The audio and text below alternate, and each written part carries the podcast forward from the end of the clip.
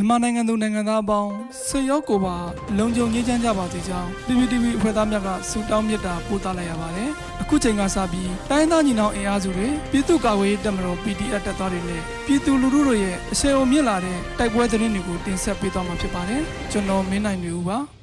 ။ပထမအဆုံးအနေနဲ့မြောင်တွင်ကြေးရများကိုမိရှို့ဖျက်ဆီးနေတဲ့စစ်တပ်အကြိမ်ကြိမ်မိုင်းဆွဲတိုက်ခတ်ခံရပြီးစစ်သားများထိခိုက်ဒေဆုံးမှုများပြားတဲ့တဲ့တင်ဆက်ပါမယ်။ စကိုင်းတိုင်းမြောင်မြို့နယ်အတွင်းရှိကြေးရများကိုမိရှို့ဖျက်ဆီးနေတဲ့အကြမ်းဖက်စစ်တပ်ကိုမေလ16ရက်နေ့တွင်ဒေသကာကွယ်ရေးတပ်ဖွဲ့များကအကြိမ်ကြိမ်မိုင်းဆွဲတိုက်ခတ်ခဲ့ပြီးစစ်သားများထိခိုက်ဒေဆုံးမှုများပြားခဲ့ကြောင်းမြောင်မြို့နယ်ပြည်သူ့ကာကွယ်ရေးနှင့်လုံခြုံရေးအဖွဲ့ CDSON အဖွဲ့ထံမှသိရတာပါ။မေလ16ရက်နေ့တွင်မြောင်မြို့နယ်ရေလေကျွန်းဒေသရှိပန်းညိုရွာကိုအကြမ်းဖက်စစ်တပ်ကဝင်ရောက်စီးနင်းခဲ့ပြီး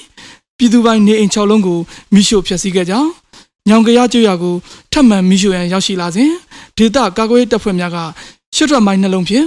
ဖောက်ခွဲတိုက်ခတ်ခဲ့သောကြောင့်စစ်သားအချို့ကိုထမ်းဖို့ခေါ်ဆောင်တော့ရကအများပြားထိခိုက်ဒဏ်ရာရရှိခဲ့ကြောင်းသိရတာပါမိုင်းဆွဲတိုက်ခတ်ခံရပြီးနောက်စစ်တပ်က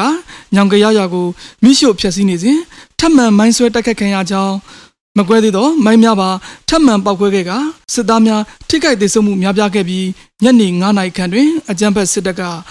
ညောင်ကရရွာကို ထပ်မံမိရှို့ခဲ့ကြောင်းပြည်သူပိုင်းနေအိမ်အလုံး30ခန့်မိလောင်ပြကြခဲ့ကြောင်းသိရပါတယ်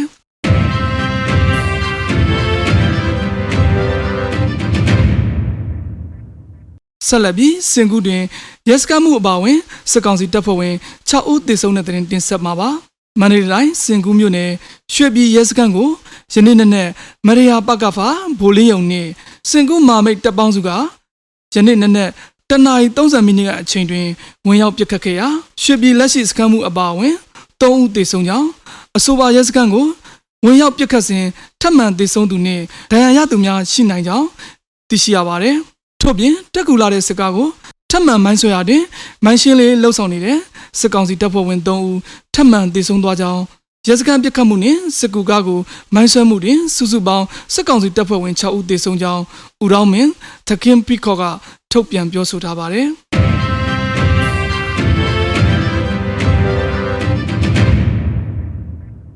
ရေဦးတွင်မိုင်းဆွဲခံရပြီးတေဆုံးသွားတဲ့စစ်သားအလောင်းများကိုစစ်တပ်ကဖြစ်တယ်လို့မိရှို့ထားခဲ့တဲ့တဲ့ရင်ဆက်လက်တင်ဆက်ပါမယ်။စကိုင်းတိုင်းရေဦးမြို့နယ်တွင်ကျွော်များကိုမိရှို့ဖျက်ဆီးနေတဲ့အကြမ်းဖက်စစ်တပ်စစ်ကြောင်းမိုင်းဆွဲခံရပြီးတေဆုံးသွားတဲ့စစ်သားရုပ်အလောင်းများကိုစစ်တပ်ကဖြစ်တယ်လို့မိရှို့ထားခဲ့ကြောင်းရေဦးပြည်သူ့ကာကွယ်ရေးအဖွဲ့ကပြောပါတယ်။ မေလ19ရက်နေ့ကရေဦးမှာထွက်လာတဲ့စစ်တပ်စစ်ကြောင်းကိုရေဦးဘကဖာရေဦး PDF နဲ့ပလာဖတို့ပူးပေါင်းကပေါက်သားရွာတွင် မိုင်းဆွဲတိုက်ခတ်ခဲ့ပြီးလက်နက်ငယ်များဖြင့်ပြစ်ခတ်ခြင်းများလှုပ်ဆောင်ခဲ့သောကြောင့်စစ်သားများထိခိုက်ဒေဆုံးခဲ့တာပါထို့သောမိုင်းဆွဲတိုက်ခတ်ခံရခြင်းကြောင့်တေဆုံးသွားတဲ့စစ်သားများရဲ့အလောင်းများကိုအကြမ်းဖက်စစ်တပ်တပ်ဖွဲ့ဝင်များကဖြစ်တယ်လို့မိရှို့ထားခဲ့ကြောင်းရေဦးပြည်သူ့ကာကွယ်ရေးအဖွဲ့ကနေမြေရှင်းလင်းရေးလှုပ်ဆောင်နေစဉ်တွေ့ရှိခဲ့ကြောင်းထုတ်ပြန်ထားပါတယ်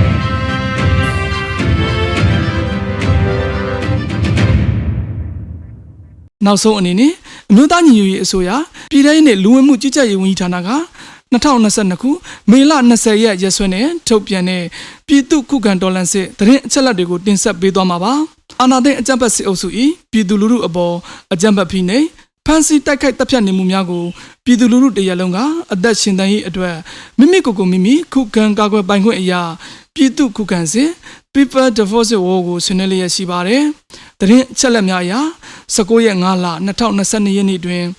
စစ်ကောင်စီတပ်ဖွဲ့ဝင်10ဦးသေဆုံးပြီးထိခိုက်ဒဏ်ရာရရှိသူ12ဦးအထိခုခံတိုက်ခိုက်နိုင်ခဲ့ပါတယ်။စစ်အာဏာရှင်စနစ်မြမအမီပေါ်မှာအပြည့်တိုင်ချုပ်ငင်းရေးနှင့် Federal Democracy တည်ဆောက်ရေးအတွက်ငြိမ်းချမ်းစွာဆန္ဒပြသည့်လူလူတပိတ်တိုက်ပွဲများကပြည်내နဲ့တိုင်းဒေသကြီးများမှာဖြစ်ပွားပေါ်ပေါက်လျက်ရှိပါတယ်။မြေပြင်မှာယခုတွေ့ရှိရတဲ့သတင်းအချက်အလက်များထက်ပို၍ဖြစ်ပွားနိုင်ပါတယ်ခင်ဗျာ။